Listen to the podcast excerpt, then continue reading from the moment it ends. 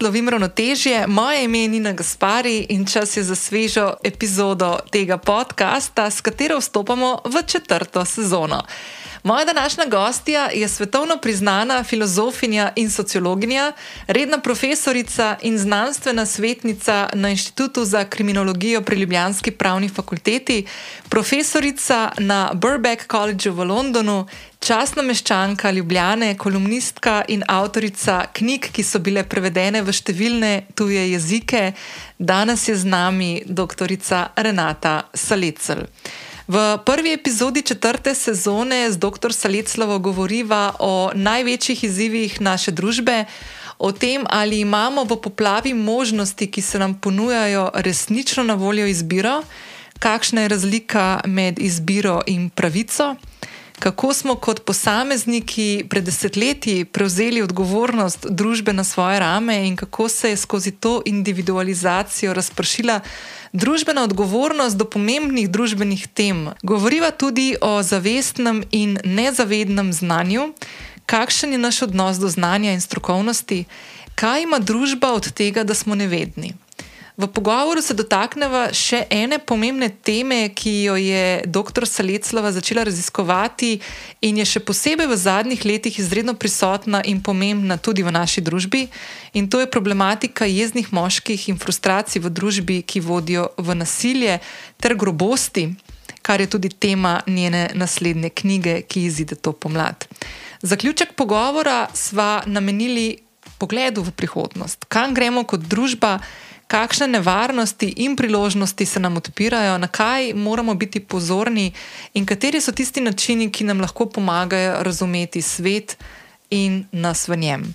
Pogovor z dr. Saleclovo, s katero se v epizodi tikava, ker se poznava tudi osebno, sva, kot sem rekla, posneli nekje sredi decembra 2022. In to je eden od tistih pogovorov, ki sem si ga želela kar nekaj časa izpeljati. Bil je na moji listi želja, do, kar nekaj mesecev, če, če ne celo let, uh, ker zbirala sem pogum, da sem dr. Saleclava povabila na pogovor, uh, se nam pripravila, tudi prebrala kar nekaj njenih tekstov, uh, knjig. Mm, da sem poskušala v ta pogovor ujeti področja, ki jih raziskuje, ki se meni zdijo blazno fascinantna in bi želela, da temu pogovoru prisluhneš tudi ti. To je to, uživajte v pogovoru z dr. Renato Salecel in se slišimo ob koncu pogovora. Renata, živijo. Živijo. Um, tole je prva epizoda v novem letu. In jaz sem si nekako tako zaželela tebe povabiti, da se mal, da mal poklepetava o mal takih širših družbenih izzivih, ki jih imamo. Da, najprej bi te mogoče vprašala, kako si vstopila v novo leto, oziroma kaj je tisto, kar si želiš zase ali pa v družbi v letu 2023 videti.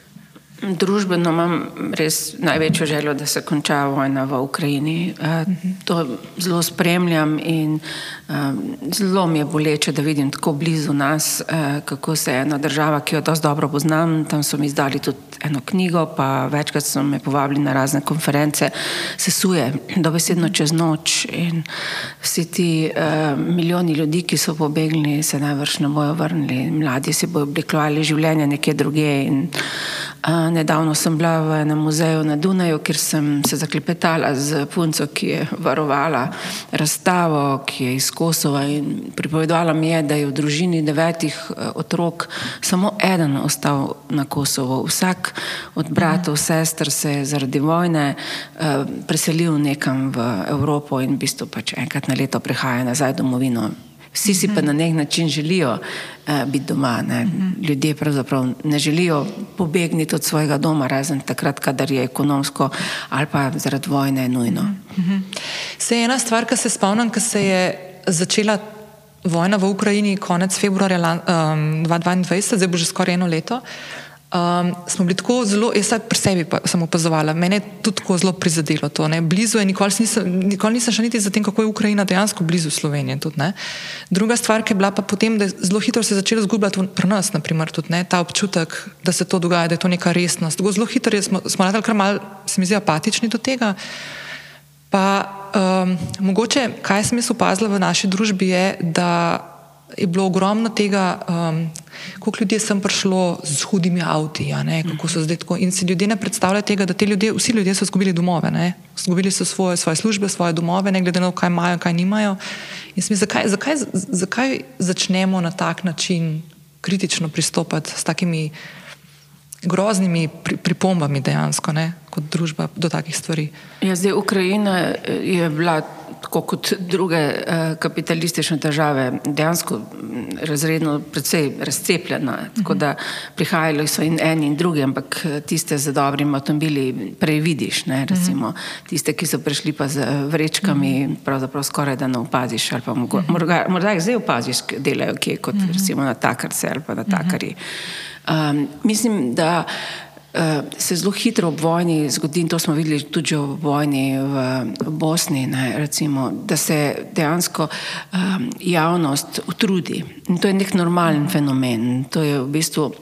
V angleščini pravimo compassion fatigue, uh -huh. ne, utrujenost od sočustvovanja. Uh -huh. In uh, v bistvu ljudje nehajo gledati uh, ali pa gledajo um, to po poročilih kot neki, kar se tako in tako vse čas dogaja, nič ne moremo narediti in dejansko se zgodi neka apatija, ki je nek normalen proces. Uh, zato je recimo um, ukrajinski predsednik Zelenski že ne vem, pol leta nazaj opozarjal, uh, ne nas pozabiti. Ne.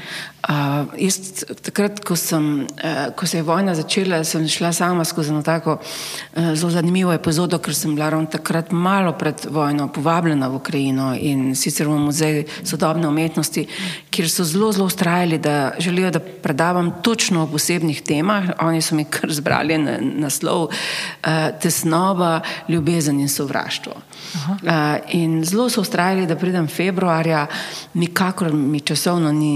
Uh, uspelo in pogovarjali smo se, da pridem potem aprila, ampak jaz sem jih vse čas spraševala, ali ni nevarnost pri vas vojne. Um, ehm, vse čas se grozi, da se bo vsak čas začela vojna. Moji eh, kolegi tam eh, so dejali, ne, nikakor ne, to je samo neka prazna grožnja. Uh -huh. uh, mi se zdaj pripravljamo na Beneški bienale. Skratka, življenje je bilo običajno. Uh -huh. In potem, ko se je začela vojna, sem jaz kasneje uh, vstopila v stik z kustosinjo, ki me je povabila in sem jo jaz povabila v Slovenijo. Uh -huh. uh, namreč kasneje je ta mlada ženska izgubila pravzaprav vse. Njeno stanovanje v Irpinu je bilo bombardirano, pokazala mi je slike z knjig, ki so bile popolnoma nekje razmetane, požgane in uh, pobegnila je na Dunaj. Kasneje je prišla tudi v Ljubljano za nekaj dni, uh, zdaj pa naštudira doktorski študij uh, v Veliki Britaniji. -hmm. Po težkih mukah si je našla neko štipendijo in za sestro in njenim mehkim otrokom se tako preganjata mm -hmm. po svetu. Tragika hm, te mlade ženske pa je, da njeni starši. Uh, živijo v Donbasu in v bistvu, čeprav so um, na nek način uh, povezani vse čas z Ukrajino, so v bistvu rusko govoreči, ampak so zelo močno od začetka vojne bili pod vplivom ruske propagande. Uh mhm. -huh. Tako da je sama znotraj svoje družine imela nek razcep. Uh mhm. -huh.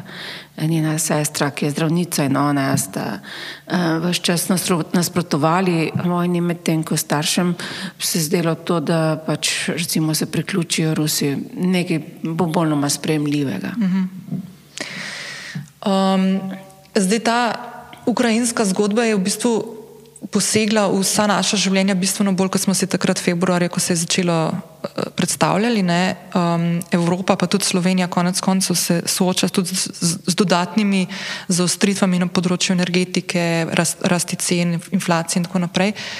Um, in se mi zdi, da tukaj, ne, da, da mogoče v Sloveniji malo živimo, vsaj ljudje, ki od doma, mislim, ki smo doma, rezidenčno, ne, da malo sicer živimo v nekem mehurčku, nimamo teh problemov, kot jih naprimer imajo v Angliji, ko imajo nenormalne razmere in visoke cene elektrike, ogrevanje, ljudje so v mrzlih domovih.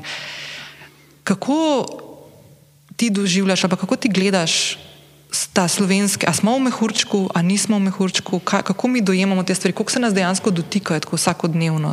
Problemi, ki se dogajajo okrog nas. Ja, to je res. V Sloveniji imamo tudi eno tako zelo veliko možnost zanikanja.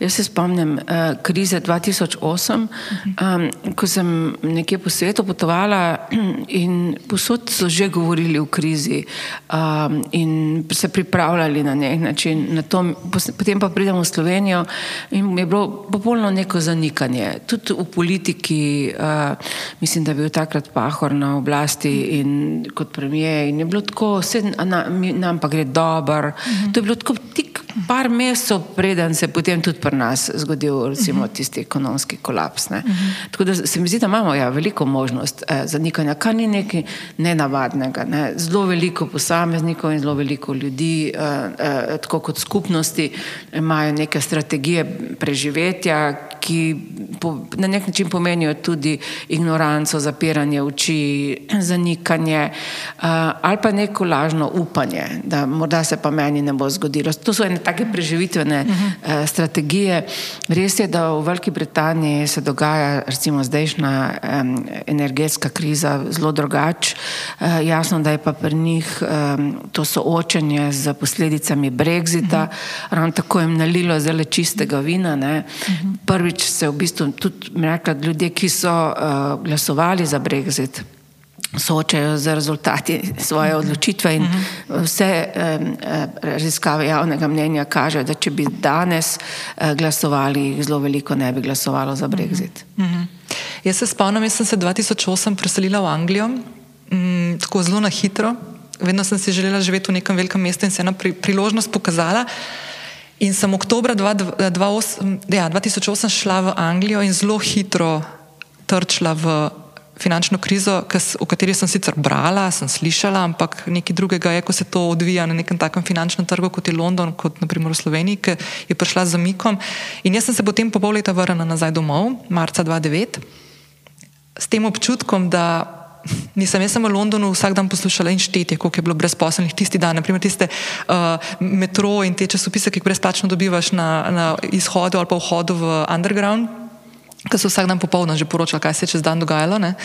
Ogromno je bilo samomorov, ljudje so dejansko samo o tem govorili, o izgubljenih služb in tako naprej. In res pa prideš nazaj in bo to tako en tak, ena taka diskrepanca med tem, kaj se v svetu dogaja med nami. A pa je to neka taka stvar, ki mogoče, je za slovence značilno, da se znamo tako mal dislocirati, ali je to neka taka preživit, preži, preživetvena, preživetveni mehanizem, ki se ga poslužujemo ljudje, da si olajšamo. Ja, vsekakor je preživetveni mehanizem, zato mislim v, svoji knjigi Strast do nevednosti, recimo analiziram to, da kadar se, soočimo z neko težko boleznjo, mm -hmm. uh, nekateri imamo radi čim več informacij, drugi pa ne. Ali pa recimo dansko obstajajo možnosti uh, genetskega testiranja. A želiš dobiti informacijo, da te čez ne vem, neki desetletji mm -hmm. čaka uh, možnost demence, ne? Mm -hmm. uh, ali ne. ne. Ljudje smo tle zelo podelimo. Eni želijo vedeti vse, da se lahko pripravijo, ali pa tudi, da poskušajo kaj spremeniti. Čeprav navadno, uh, kot ti rečejo, recimo zdravniki, da ne moreš pravzaprav nič spremeniti. Ne? Recimo, da imaš neko uh,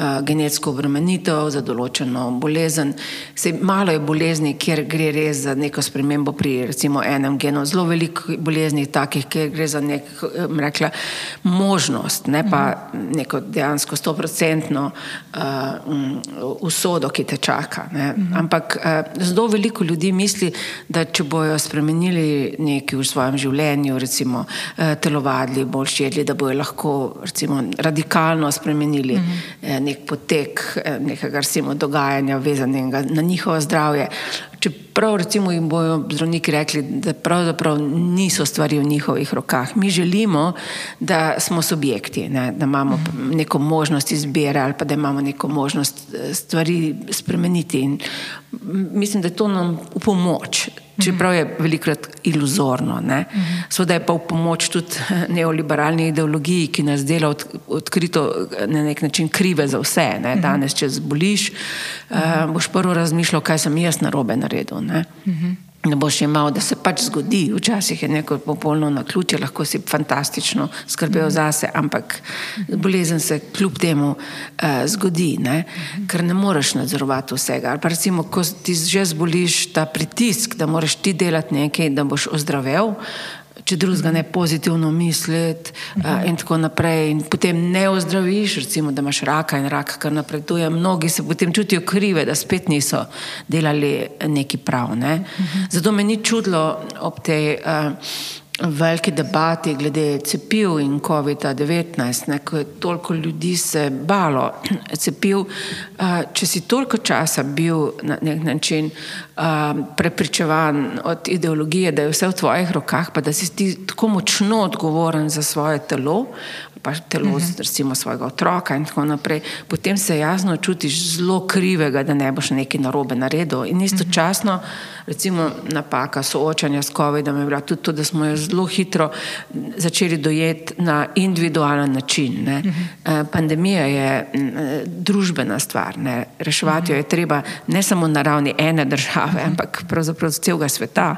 In mi smo jo zelo hitro preinterpretirali, kot da je stvar posameznika, da se on odloča, kaj bo naredil, ne? da se posameznik sebe zaščiti in, uh -huh. in tako naprej. In to je v bistvu posledica tega, da že toliko časa živimo v tej skrajno individualistični uh -huh. ideologiji, recimo imenujemo to recimo kapitalizem neoliberalizma, ki pač na nek način temelji na, na tej ideji, da vsak mora poskrbeti zase, da vsakemu lahko uspe.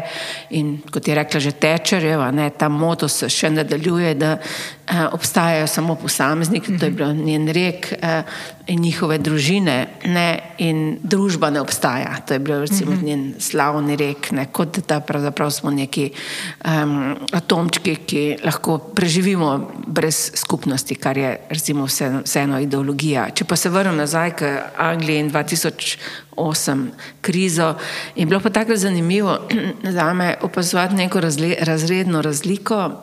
Um, predvsem mojih prijateljev v Angliji so psihoanalitiki in razlagali so mi, da uh, zelo bogati ljudje, ki so se soočali um, s to ekonomsko krizo, seveda, uh, če so imeli dovolj kapitala, so se veliko manj traumatično z njo soočali kot navadni ljudje. So, nekateri od teh bogatih so recimo v krizi videli neko zelo posebno priložnost. Namreč, Že kriza, sama ne beseda, eh, na nek način eh, je mnogo krat interpretirana kot neka možnost začeti eh, recimo znova, ne, ne samo uh -huh. kot, nek, kot neka kriza, kjer se stvari sesuvajo, ampak recimo en prijatelj mi je, psihoanalitik mi je pripovedoval, da mnogi bogataši, bogati recimo finančniki, iz eh, londonskega sitija, ki so dolgo časa pred krizo jamrali, kako radi bi spremenili svoje življenje ali pa našli neko drugo zaposlitev, počeli nekaj, kar jih res veseli,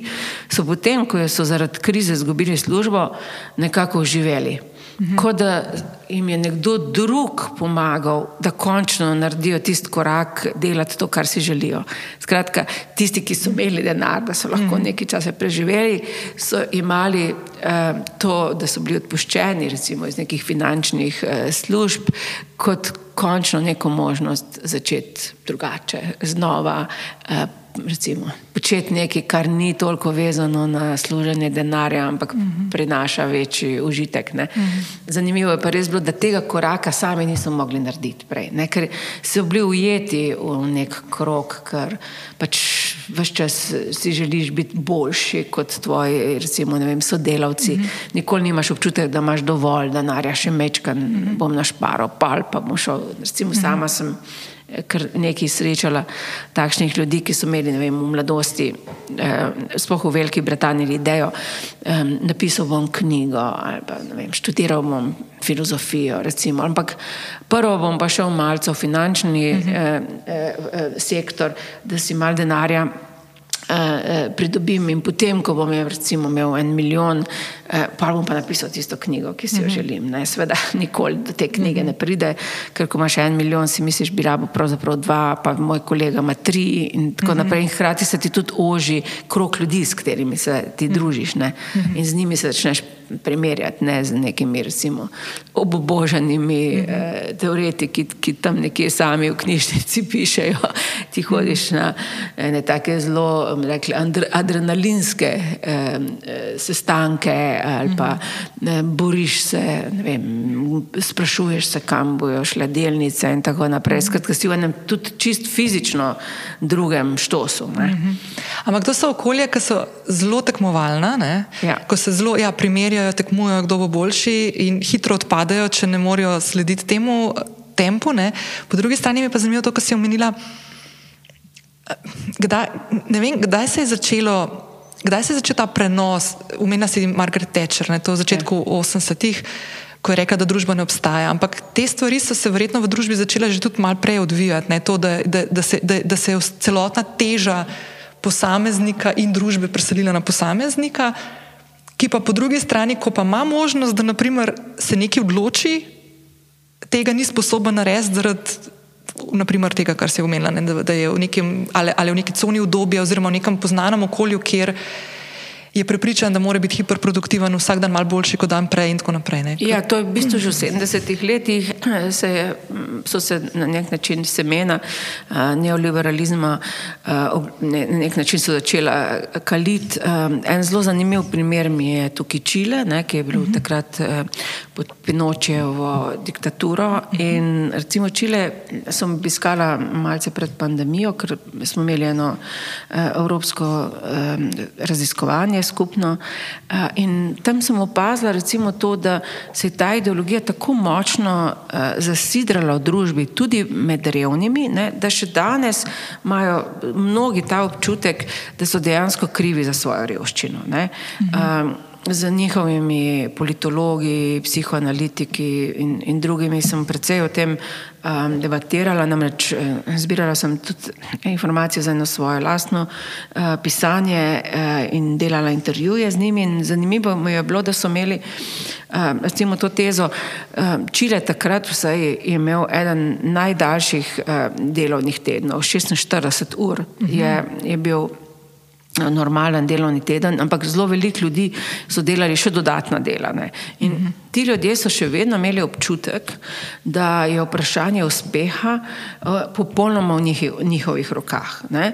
Na nek način so bili upeti v eno okolje, niso imeli nobenega prostega časa, da bi se recimo lahko dodatno izobraževali ali nekaj počeli, ki bi mi res mogoče odprlo vrata k mal boljšemu življenju. Ne, skratka, ujeti so bili na nek način, ampak ideja je bila, da uh, je uspeh uh, stvar njihove odločitve, da vsak lahko uspe, to je bila tista ideologija tega individualizma in uh, hkrati, da je uspeh tudi povezan recimo z neko srečo, ne, uh, z nekim naključjem. Ne. To je tudi močno recimo zasidrano uh, v Ameriki že zelo dolgo. Ne.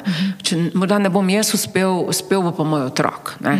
Zato recimo reveži bojo nasprotovali ne vem, večjemu obdavčenju uh, bogatih, misleč, če moj otrok postane mogoče ne vem, lastnik nekega uspešnega startupa, uh -huh. nihče ne želi obdavčiti svojega otroka. Recimo. Ta logika, uh -huh. da, mor, da uspeh je morda nekaj, kar, kar se bo zgodilo čisto na ključjo, ali pa da moraš pozitivno misliti, da moraš delati prave izbire. Uh -huh. To je ta logika, ki preprečuje razmišljanje o nekih skupnostnih a, akcijah. Tudi, mm -hmm. Zato mnogo krat izbire jemljemo zelo preveč kot individualne izbire in ne kot uh, nekaj, kar je pravzaprav lahko skupnostna izbira, mm -hmm. v katero smer gremo kot skupnost, kaj bomo skupnostno naredili, recimo glede neenakosti, mm -hmm. kaj bomo skupnosti naredili glede klimatskih sprememb. Tukaj posameznik mm -hmm. lahko reciklira, kolikor hoče pa je, je zelo malo, -huh. da bo s tem karkoli recimo globalno spremenil. Gre za politične, gre za skupnostne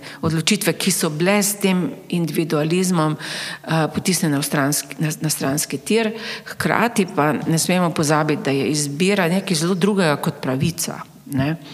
-hmm. Tukaj sem pač, ko sem pisala eh, svojo knjigo uh, Tiranija izbire, sem začela malce gledati, kako se je v diskurzu v Združenih državah v 70-ih letih spremenil um, govor o splavu. Ne, najprej je bil uh, splav dojet kot pravica, ne, mm -hmm. vsaka ženska ima pravico uh, odločati o svojem telesu.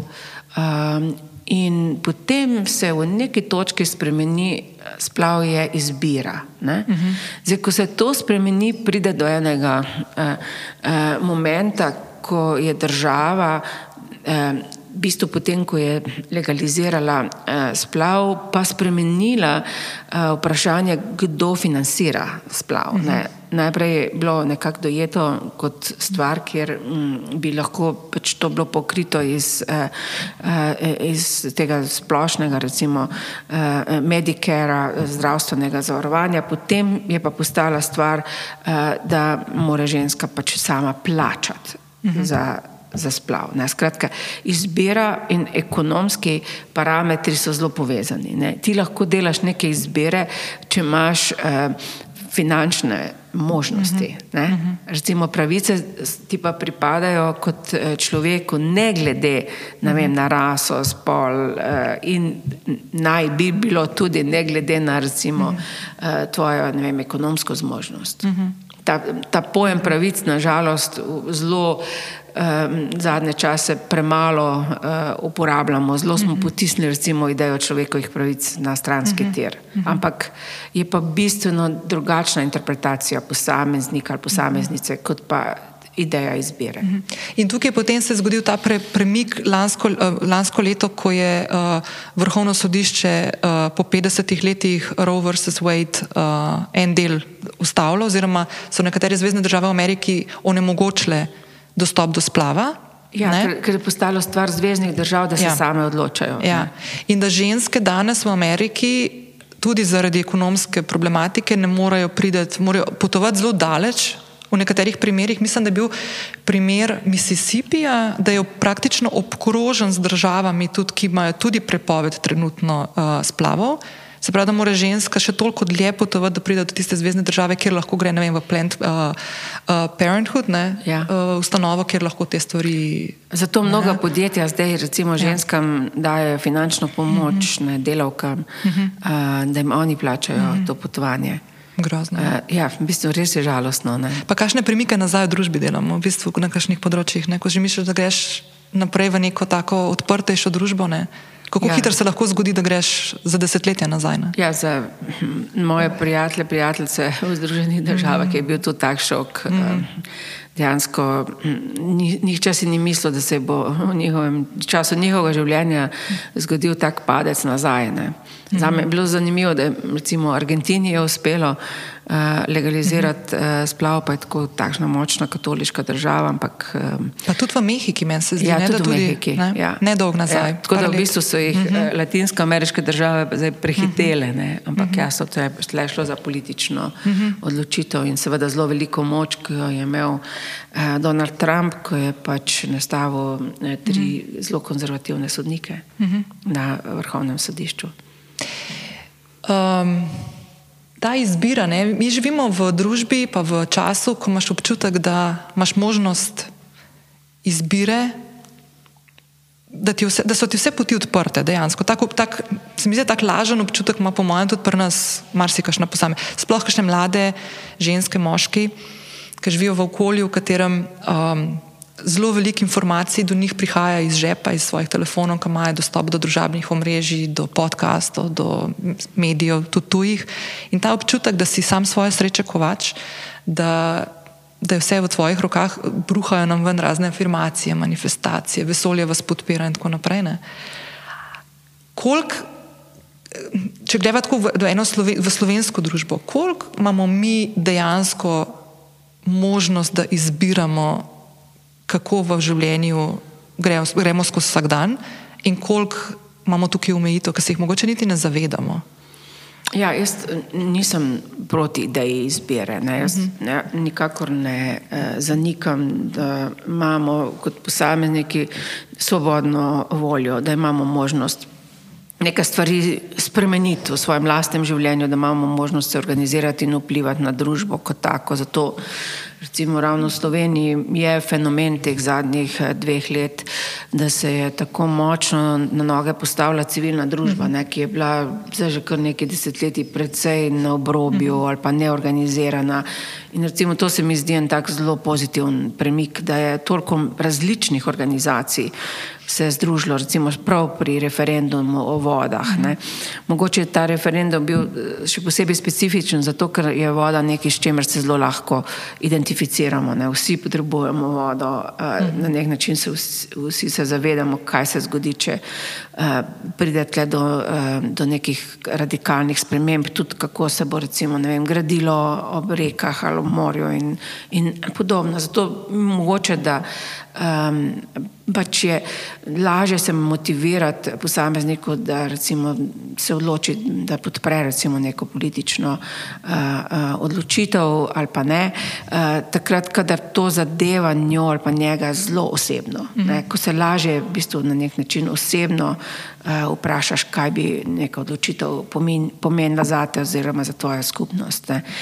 Um, ja, ta problem teh uh, družbenih medijev, še posebej Instagrama, ki slikajo te idealne um, slike življenja ali pa idealnih teles, jaz mislim, da zelo močno vpliva uh, na posameznike in posameznice. Zdaj, predvsej psiholoških raziskav je tle bilo že narejeno, da uh, recimo mlade ženske, ki zelo veliko gledajo uh, druge mlade ženske, ki imajo recimo lepša življenja, lepša telesa, zelo hitro zače, začnejo občutiti um, neko nelagodje, tesnobo, um, postanejo veliko bolj samokritične in ena raziskava, ki sem jo brala, pa tudi um, kaže, da če ti opazuješ recimo, vem, lepa življenja, lepa telesa in istočasno um, deliš na Instagramu tudi svoje slike, potem se navadno še bolj tesnoben. Mm -hmm. Če samo opazuješ, si lahko tesnoben, ampak se tesnoba v bistvu poveča, kadar deliš svoje lastne.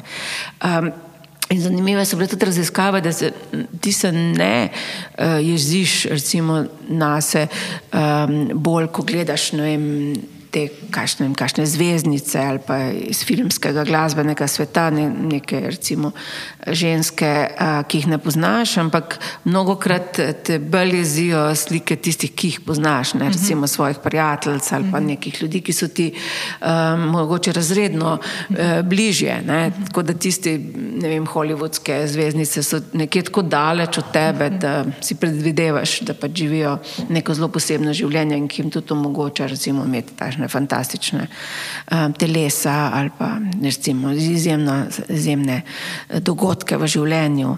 Um, ja, jaz, zanimivo je, da ljudje padajo tudi zelo hitro v neko apatijo, tudi tisti, ki se zavedajo, kako zelo manipulirane so te slike. Ne? Mm, se nič manj uh, ne počutijo, recimo, uh, slabo glede samega sebe. In, uh, zelo hitro postanejo nekako defetistični. Uh -huh. ne? Tako pač je. Ne? Recimo, uh -huh. Tu so medijski raziskovalci, ki so um, analizirali, kako ljudje dojemajo uh, te resničnostne šove. Uh -huh. So ugotovili, da ljudje lahko vejo, da so resničnostni šovi zelo zmanipulirani, uh -huh. da je malo res tistega čist spontanega, da so od zadnji neki scenariji in, in tako naprej, ne? da se pravzaprav um, načrtno neke stvari dogajajo. Tisti, ki so vedeli mešanerijo teh šovov, uh, so bili v bistvu na nek način kritično apatični. Uh -huh. um, bili so sicer kritični do te mašinerije, ampak bili so pa tudi apatični do, do te točke, da ah, tako pač je, se nič ne moremo narediti. Ne? Uh -huh. Mediji vedno manipulirajo, um, ni na nas, da se neki proti temu, kaj se jim borimo, ali pa da na nek način na to opozarjajo. Ne? Tako da ta moment te kritične apatičnosti, mislim, da je zelo pomemben del, kako mi dojemamo danes uh, medije. Vemo, da smo manipulirani, vemo tudi, kako močno recimo, algoritmi uh, odločajo, algoritmi, ki jih ne poznamo, ne? recimo brskalnikov, kaj najprej vidimo na internetu, kaj manj in tako naprej. Vemo, da vse to obstaja, imamo pa občutek, da tako pač je in da v bistvu sprememba eh, ni možna. In In uh, to mi je dosti zanimivo, ker se, ker se mi zdi, da res prihajamo v neko točko, uh, kjer se je družba tako močno spremenila in tako močno se tudi spremenjamo kot posamezniki, pravzaprav neke kritične refleksije je pa premalo. Uh -huh. Uh, in jasno, tudi neke uh, recimo, želje, uh, recimo nekaj spremeniti. Počasi se kuhaš ne? in niti ne opasiš, kdaj bo, bo voda tako vrela, da ne boš mogel več iz nje pobegati. Zdaj, ena stvar, ki mogoče ti lahko povem, da mlade generacije, uh, ta X generacija, mogoče tudi ja, Gen Z. Tudi, no, ko uporabljajo družabna omrežja, je zdaj že kar nekaj časa zelo v trendu, da ne uporabljajo nobenih filtrov, nobenih olepšanj.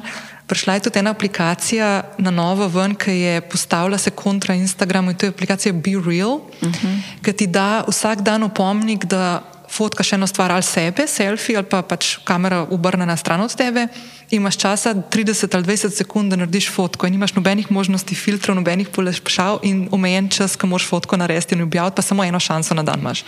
In se mi zdi take stvari tako včasih, tako kar spremljam, ker naprimer moja generacija je s tem obremenjena, kar si zdaj omenila, pa mogoče še tista generacija za mano.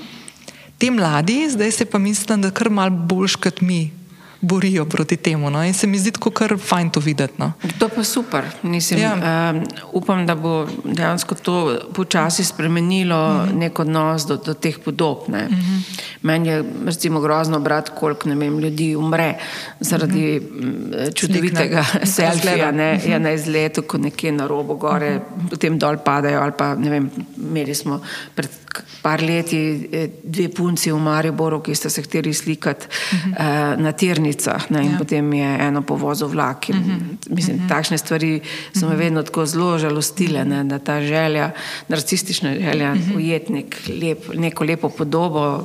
Eh, lahko pretehta recimo, razmišljanje uh -huh. o nevarnosti. Ja, ta, ta, prav zgubiš ta občutek tudi za realnost, ne, kaj se ti dejansko lahko zgodi v nekem trenutku, zato ker hočeš izpolniti nekaj se pridružiti množici, ki to že dela, ne, ali so to kakšne izzivi ali kako koli. To, je tega veliko na TikToku, ja, tako da je kar, kar noro. Ja. Um, ena stvar, ki si jo omenila, um, to. to um, Tako da oskrat razmišljam zdaj, ker se mi zdi, da v zadnjih treh letih smo bili priča enemu kupu enih momentov v družbi, ko bi mogoče že v kakšnih drugih časih, ko ne bi bila ta odgovornost družbe razpršena na posameznike, da bi se že kakšna revolucija zgodila. Ne? Ker pa mogoče je zdaj malo težko izvedljiva ravno zaradi tega, ker ni nekega skupnega občutka, da premikamo neke stvari skupaj na boljše. To, kar si omenila z referendumom za vodo, se tudi meni zdi. Jaz sem takrat tudi um, prvič po desetih letih šla na volišče, ker sem imela to apatijo do vsega, kar se mi zdi, da se tako ne more nič spremeniti in da moj glas ne šteje. Pa se mi zdi, da zdaj v današnjem času, po tem super volilnem letu, ko smo ga imeli lani, se dogaja že ena taka napoved, se mi zdi neke nove teme družbene in to je zdravstvo. Absolutno. Ja. Ker se mi zdi tudi, da zna civilna družba lepo skočiti zelo gor na to in še tukaj na tem področju premakniti, mogoče kašno, da skupaj premaknemo kakšno stvar. Ne? Ja, absolutno. Se tukaj, recimo, vem, uh, dr. Dušan Keber, uh -huh. um, kot eh, predstavnik starejše generacije, recimo zelo aktiven, uh, že vse čas pri glasu ljudstva, uh -huh. uh, pri raznih skupinah, ki so se oblikovali glede vprašanja zdravstvenega sistema. In ja, jaz pričakujem, da Eh, se bo civilna družba tukaj aktivirala. Um, v bistvu na nek način je prišlo res do, do enega vrelišča, um, mm -hmm. na tisoče ljudi je ostalo brez zdravnikov mm -hmm.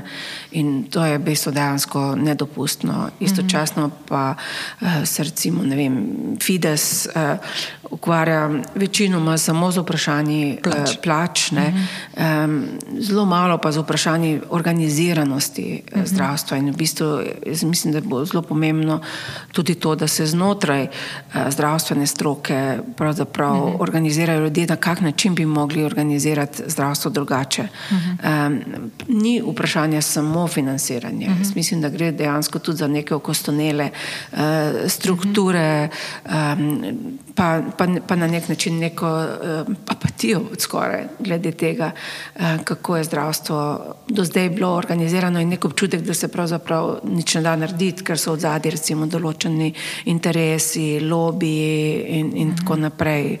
Um, recimo tudi to, da nismo še ukinili dopolnilnega uh, zdravstvenega zavarovanja, uh -huh. je nekaj precej škandaloznega, ne, ko je bilo že toliko razprav o tem, da je pravzaprav to neka okostanela stvar, ki je ne potrebujemo, ker dejansko ne vemo dejansko, kako se ta denar uporablja in da bi se bistvu do tega denarja lažje prišlo z, z drugimi eh, mehanizmi eh, znotraj financiranja zdravstva.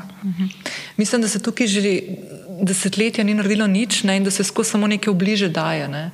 In da tudi, mislim, konc koncev, ko se pogovarjaš tako tudi z zdravniki, ne, mladimi, naprimer Davida Zopančiča, smo danes, eh, predno smo začeli snemati, omenili.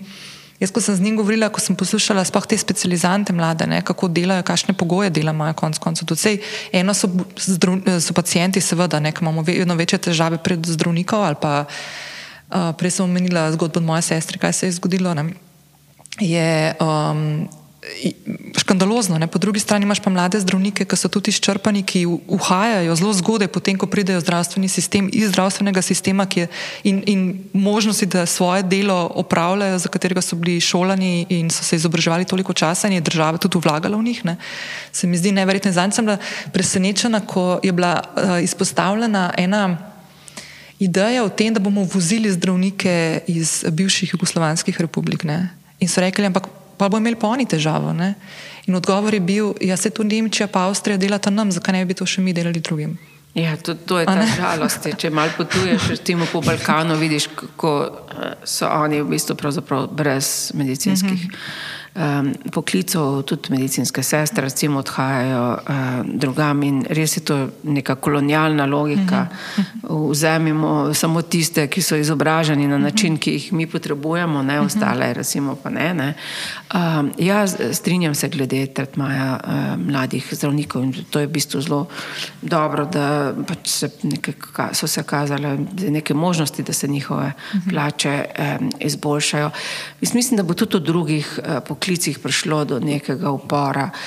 Ta upor ni vezan izključno na, na to, da so recimo ljudje slabo plačani. Gre tudi za preveliko obremenitev, recimo prav mladi zdravniki so izjemno uh, obremenjeni. Um, tukaj uh, vidimo lahko v bodoče tudi mogoče recimo upor učiteljev. Uh -huh ki uh, ne gre spet za to vprašanje samo financiranja, ampak gre tudi za to, koliko je neko delo spoštovano. Uh -huh. ne? In nažalost je recimo prišlo do enih sprememb v spoštovanju um, dela. To, tukaj spet je ta ideologija izbira na nek način tudi so kriva. Uh, recimo danes z Googlom smo že vsi na, na, na nek način svoje lastni zdravniki. Uh -huh. uh, ko imamo neke simptome, se zakopljamo v raziskovanje in tako naprej. Tako da ni nujno recimo slabo, da klasične avtoritete niso več tako zelo ubogane ne, kot prej. Ne. Zdaj pač tudi zdravnik se mora soočati s tem, da pacijent ne bo več prišel kot nek neuk, uh -huh. ampak nekdo, ki bo že oborožen z raznimi informacijami, ki so lahko tudi blazno škodljive. Ne, uh -huh. lahko tudi, ne samo, da, um, da, da so napačne, lahko sprožajo tudi neko zelo veliko tesnovo. Vse vemo, da recimo, prvi občutek, ki ga imaš, kadar googlaš neke simptome, je, da imaš neke najbolj hude uh -huh. bolezni. Ne. Potem se navadno uh, malce zresniš, pa pogledaš recimo, stvar v nekem širšem kontekstu. In recimo tudi nespoštovanje učiteljev, učiteljc, ne, um, se zelo povečuje. Uh -huh. Zdaj, ne samo strani otrok, ampak predvsem z njihovih staršev. Ne. Uh -huh. Uh, recimo, iti na kakšen roditeljski sestanek je včasih, mislim, prava farsa, ne, uh -huh. starši se sprašujejo, mislim, samo o dobrobiti njego, njihovega lastnega otroka mm. in seveda razni strahovi, ki jih imamo kot starši glede svojih otrok, so tudi povezani s tem, da smo starši vse bolj pod pritiskom, da je vse v naših rokah. Ne? Mm -hmm. Da moramo mi pripraviti otroka za najboljši štart v življenju, da mi nismo nekaj dobro naredili, če z otrokom ni nekaj v redu. In um, mislim, ja, da pričakujem, ne vem, res leto uporov, zdaj vidimo v Veliki Britaniji. Ne? Mm -hmm. Od ene stavke do druge. Ampak zato, ker je bilo toliko let, v bistvu desetletij delavstvo potisnjeno na stranski tir. Ves čas se je družba ukvarjala z profiti, um, bogatenjem najbogatejših in recimo cena dela je ostala zelo nizka, uh, pa tudi hkrati zaradi recimo vem, zelo visokih cen stanovanj. Ljudje ne morejo več živeti v centrih, njihovo potovanje na delovno mesto se je blazno podaljšalo. Nekaj časa, seveda med COVID-om, je situacija, vsaj v nekaterih Eh, poklicih bila pač eh, reševana s tem, da so ljudje delali od doma, ampak zdaj se to mhm. spremenja. Mnogi tudi ne želijo več mhm. biti čisto izolirani v recimo, svoji hišici, ampak želijo biti spet z svojimi kolegi, kolegicami. In tudi vemo, da se mnogo več idej recimo, uh, nekako porodi, če, če smo v neki skupnosti, ne, če delamo v, v nekem timu. Uh -huh. Tako da v prihodnosti najbrž bomo imeli neka dela, ki se bodo delala na nek mešan način. Par dni uh -huh. bodo posamezniki lahko delali doma, par dni pa uh -huh. recimo na delovnem mestu. Ampak seveda za najniže plačana dela pa ta izbira nikoli ne obstaja. Uh -huh. Ena stvar, ki se je mi zdi, da zgodila v času COVID-a, če skopromo zdaj malo kakšne pozitivne um, stvari najdete, ki so se zgodile. Um, se mi zdi, da ravno na področju dela in tega odnosa delodajalca do zaposlenega. Se mi zdi, da se je začel malo spreminjati v tem, da so ugotovili, da vsak od nas ima drugačno dinamiko v življenju, vsak od nas ima drugačne vrednote. Nekomu je pomembno, da lahko dela doma, da si prilagaja svoje delovno okolje, nekdo to ne more, ker ima vem, otroke doma ali pa starša, za katere mora skrbeti in tako naprej. In mu je bolj pomembno, da se odmaknete z tistih nekaj ur. Ene stvari, ki so se zdaj začele dogajati v družbi, pa se mi zdi, da so malo tako kontradiktorne temu, kar so se zdaj pogovarjali o tem, kako vse pade na posameznika in je posameznik tisti, ki težo svojega življenja in realnosti nese na svojih ramenih. Je mogoče, ne vem, če se bo strinjala to, ker so zdaj pred kratkim dal ven raziskave, kjer ne bi se pokazalo, da učinkovitost ali pa produktivnost pri delu ni odvisna od tega, koliko del, časa delamo in da ne delamo v teh klasičnih delovnikih pet dni na teden, osem ur na dan, ampak da se je izkazalo to, da so zelo dobri rezultati prišli tudi, če se krajšajo delovni tedni, naprimer na štiri dni. To je bilo zdaj v Angliji narejeno in v Ameriki. In so zelo dobri rezultati, in gre v smer tega, da se ljudje, ljudi malo mogoče poskuša razbremeniti, in da se jim da več časa za počitek in za njihovo zasebno življenje, usklajevanje teh vlog.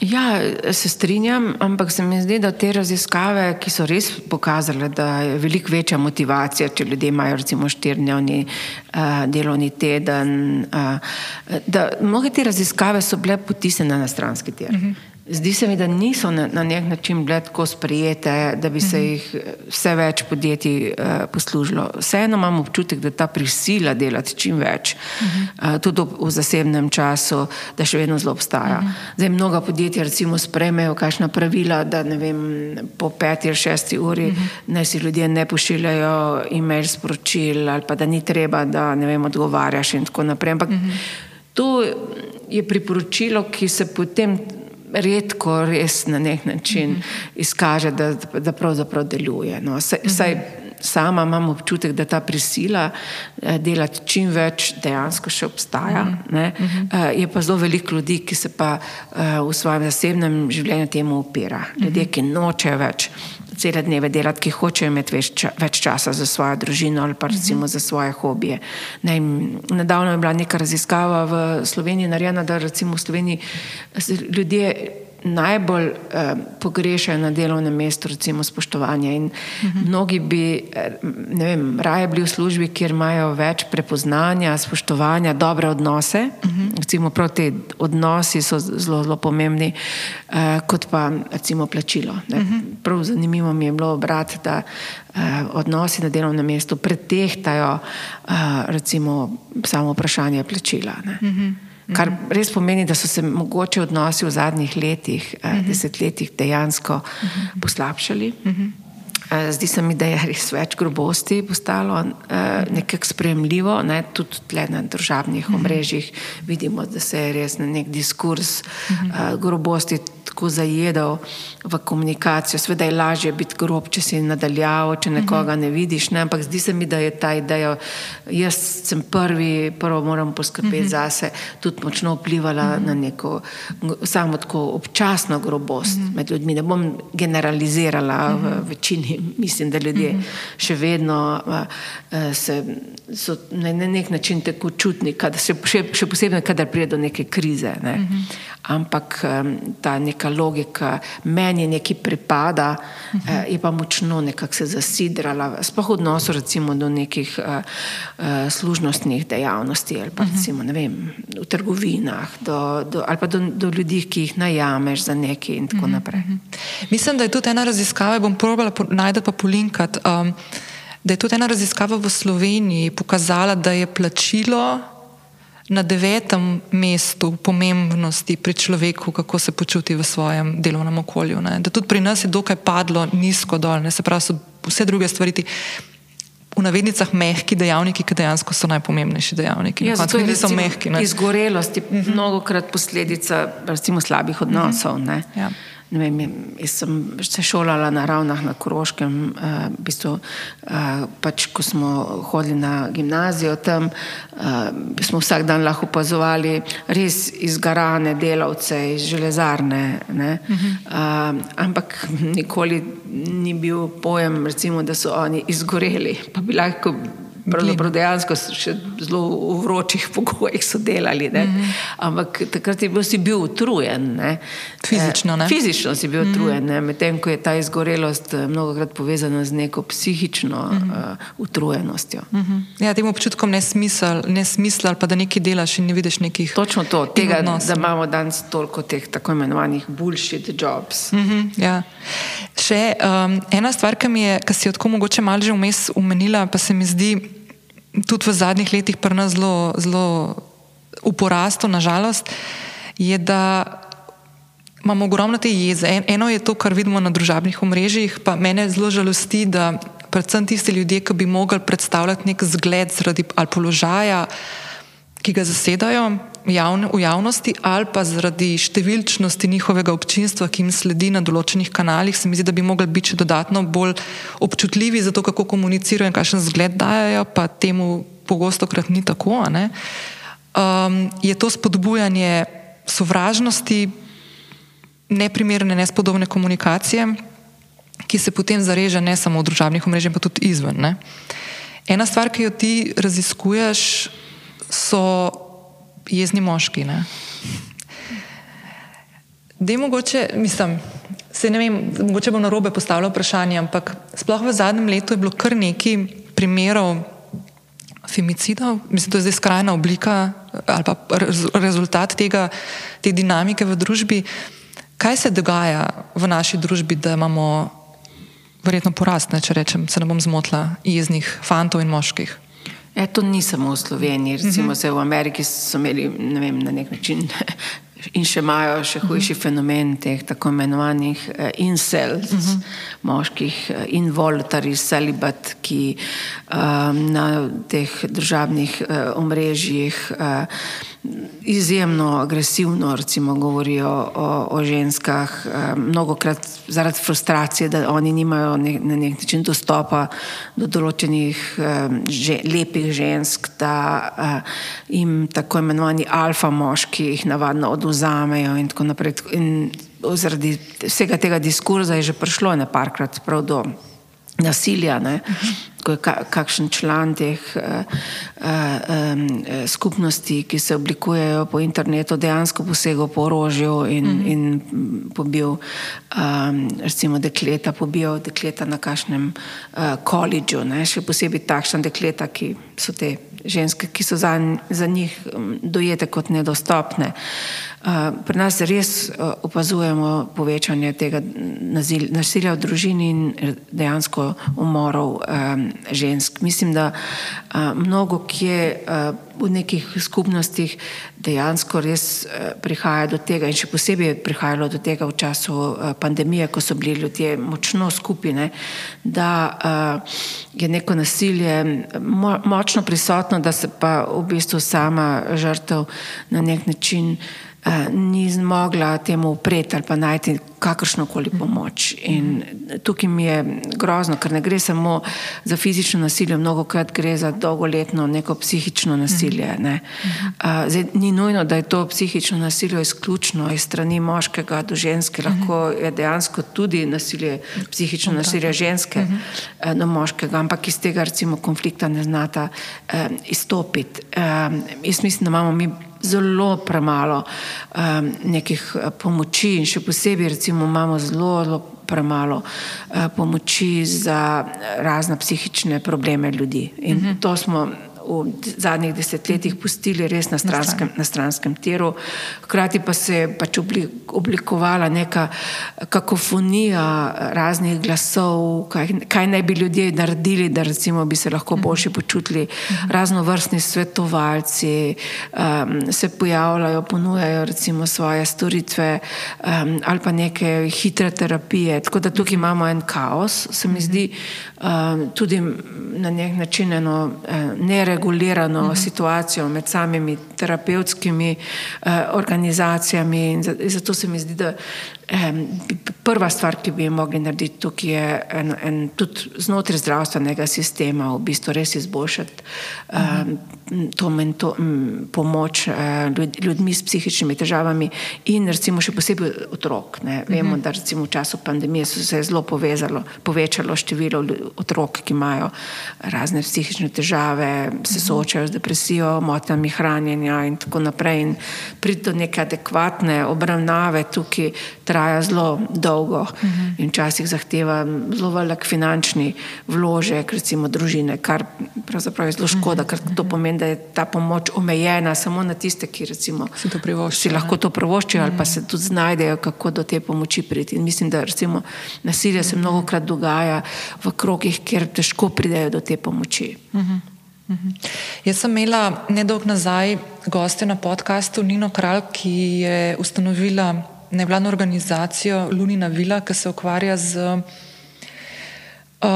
pomočjo otrokom, ki so bile žrtve predvsem spolnega nasilja. In mi je povedala podatek, ga bom preverila za vsak slučaj, bom pa na koncu epizode povedala in preverila.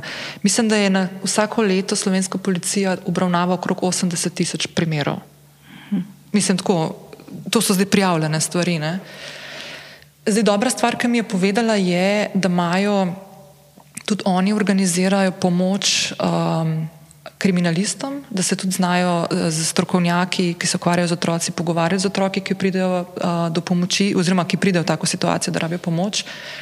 Um, ampak se mi zdi, da je brutalne številke. No? Sploh si ne predstavljaš tega, kar se dogaja na koncu. Ja, um, in mislim, da se treba problematike otrok res lotevati na drugačen način, kot smo se do zdaj in mogoče na nek eh, bolj vizualno uh, primeren način otrokom pokazati, kje so zagate, recimo nasilja v družini. In nedavno sem um, brala um, rokopis um, slikanice uh, Petre Ofentavšek, ki bo išel um, letos pri, pri eni založbi um, o eni družini zajčic, zajčkov, uh, kjer se dogaja nasilje. Na, namreč um, Petra Fentavšek je na zelo zanimiv način prikazala družinsko nasilje eh, skozi slikanico.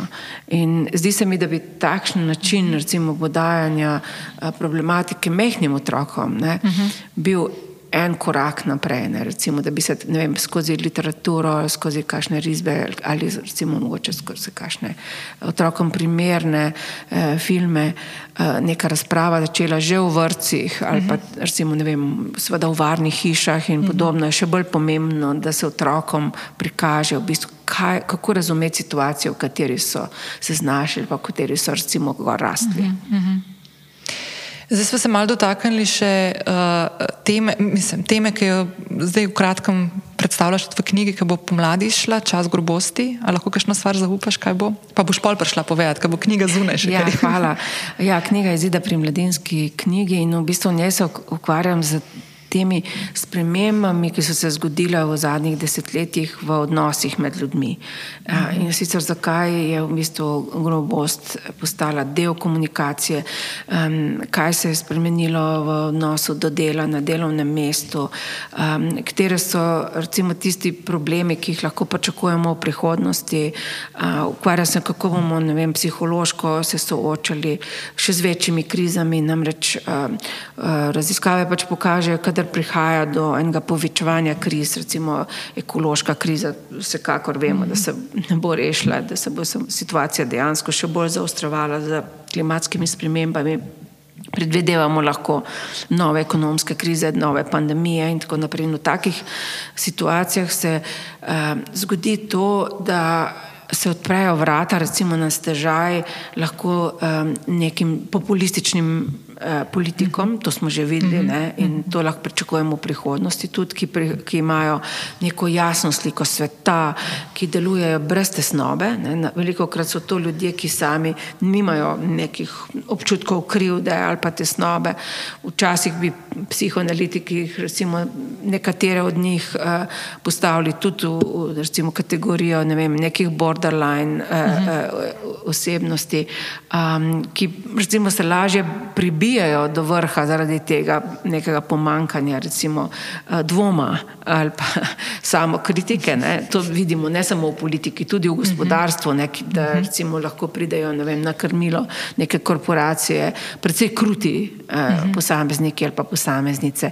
In potem drug problem je neko lažno upanje. Ljudje se v času krize obračajo obračajo k ljudem, ki jim ponujajo neke hitre odgovore. Ne vem, migranti so krivi za, krivo, za, za krizo. Uh -huh. uh, v preteklosti smo že imeli v času druge svetovne vojne. Židi so recimo uh -huh. uh, krivi. Potem pa hkrati se odpre prostor tudi za razne religije.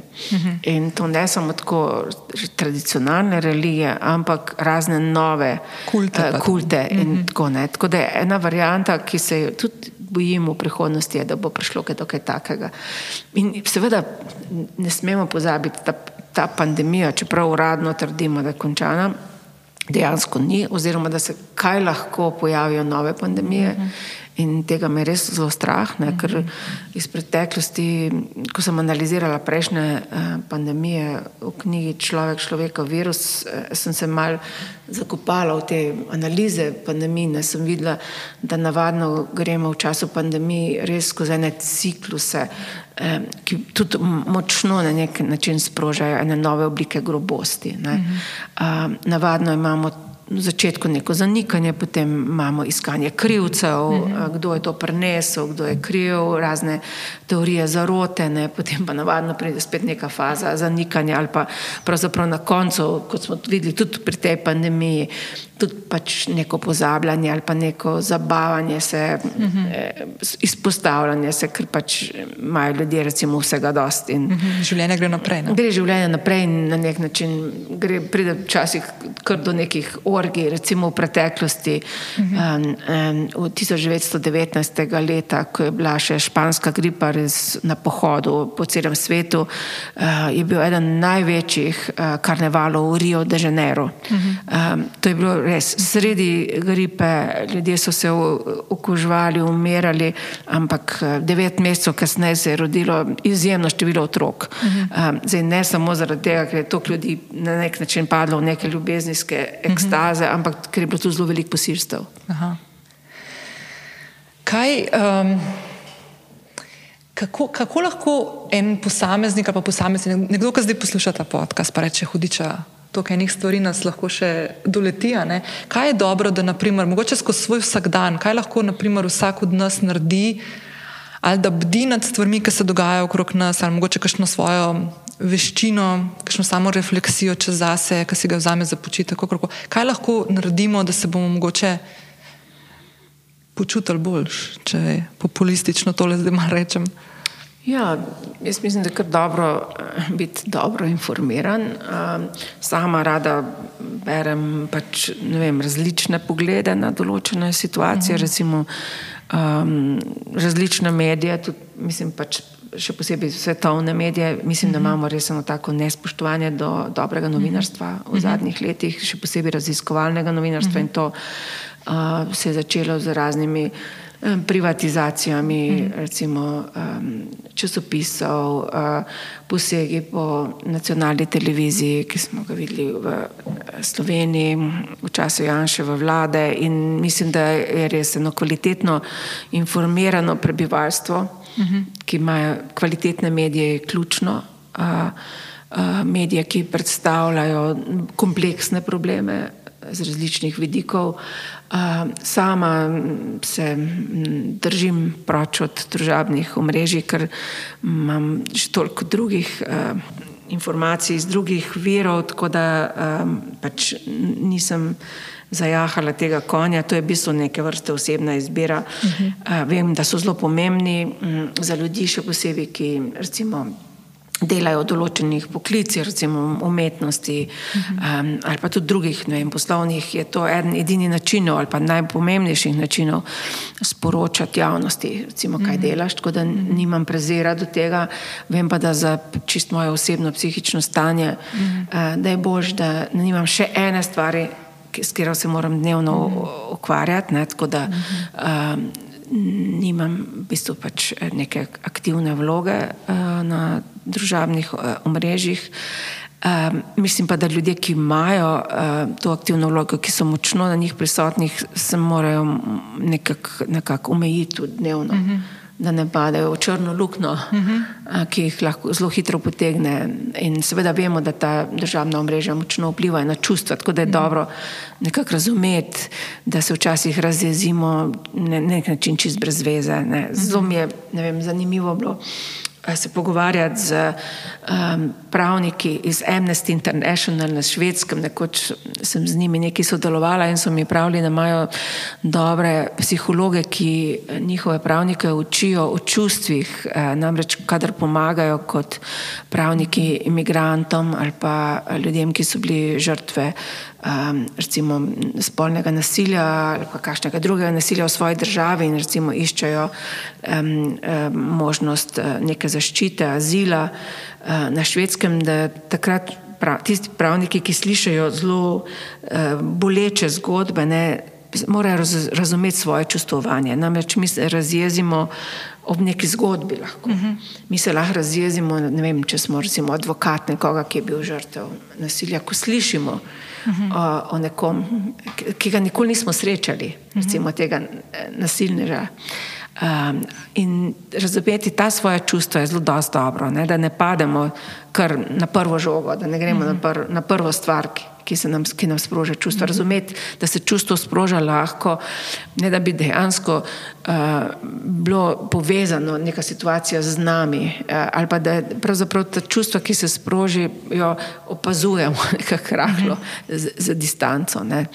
Um, no, in švedski eh, pravniki so mi tudi razlagali, da učijo svoje eh, sodelavke in sodelavce tudi to, da se morajo včasih rahlo umakniti. In pri njih mi je bilo zelo všeč, eh, takratni vodja Amnesty International mi je razlagal, da si je vzel eh, tri mesečni um, no, sobotno leto, ne, sabatikal, potem ko je toliko časa delal z zelo težkimi primeri je pri njih bila možnost, da greš za tri mesece um, nekako na en tak uh, plačan dopust. Potem je začel tri mesece delati kot vrtnar v mestnih vrtovih. Hudo. Pravzaprav rekel je, že ne morem več uh, slediti vsem tem trpljenjem, s katerimi se moja organizacija Eh, dnevno ukvarja in moje kolege in kolegice. In jaz bom tri mesece sadil rože in čisto um, travo uh, po vrtovih in na nek način si bom malce spražil glavo. Meni se zdi, da bi mogli pri mnogih uh, uh, poklicih, ki, ki zelo močno obremenijo recimo, naše čustovanje, najti neke take načine, da bi se ljudje lahko odmaknili vsaj nekaj časa. Se pravi, da gremo bolj v to, da se konkretno ukvarjamo z ljudmi, s posamezniki, kot družba, kot sami sabo. Ja, pa da se ne ukvarjamo samo s svojim vrtom, uh mhm. -huh. ampak da se, da, da se mogoče ukvarjamo z parkom v mestu uh -huh. ali pa z zelenico, eh, javno zelenico. Uh mhm. -huh.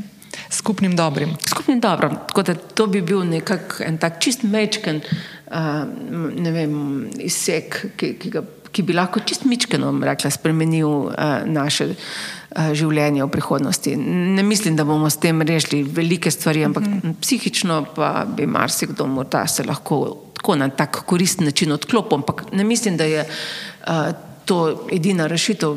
Neki um, izstopiti rahlo včasih iz nekega mm -hmm. svojega okolja, um, mm -hmm. početi nekaj drugega za en kratek čas, mm -hmm. potem pa se vrniti recimo nazaj. Mm -hmm. Mislim, da bi marsikdo um, s tem tudi spoznal vem, druge uh, poklice, druge vem, načine, um, kaj s tem soočanja se situacijami. Mm -hmm. Tako da, recimo, da ne bi bilo takšno delo vem, recimo, v javno dobro, samo kot kazen. No? Včasih damo to ljudem na mesto, da grejo v zapor, ja. da lahko na tak način odslužijo neke recimo, mhm. kazni, da bi lahko bila tudi izbira za posameznika, ki je izgorel. Da bi bilo da v bistvu, ja, to neko tako vezno tkivo, da se dela z družbo. Ne? Se pravi, jaz nekaj dobrega naredim za neko skupno dobro, še nekdo drug zraven, se mi zdi pa to, ta odmik od tega, da smo individualisti in sam zase gledamo. Ja. Super. Hvala, Renata. Hvala tebi.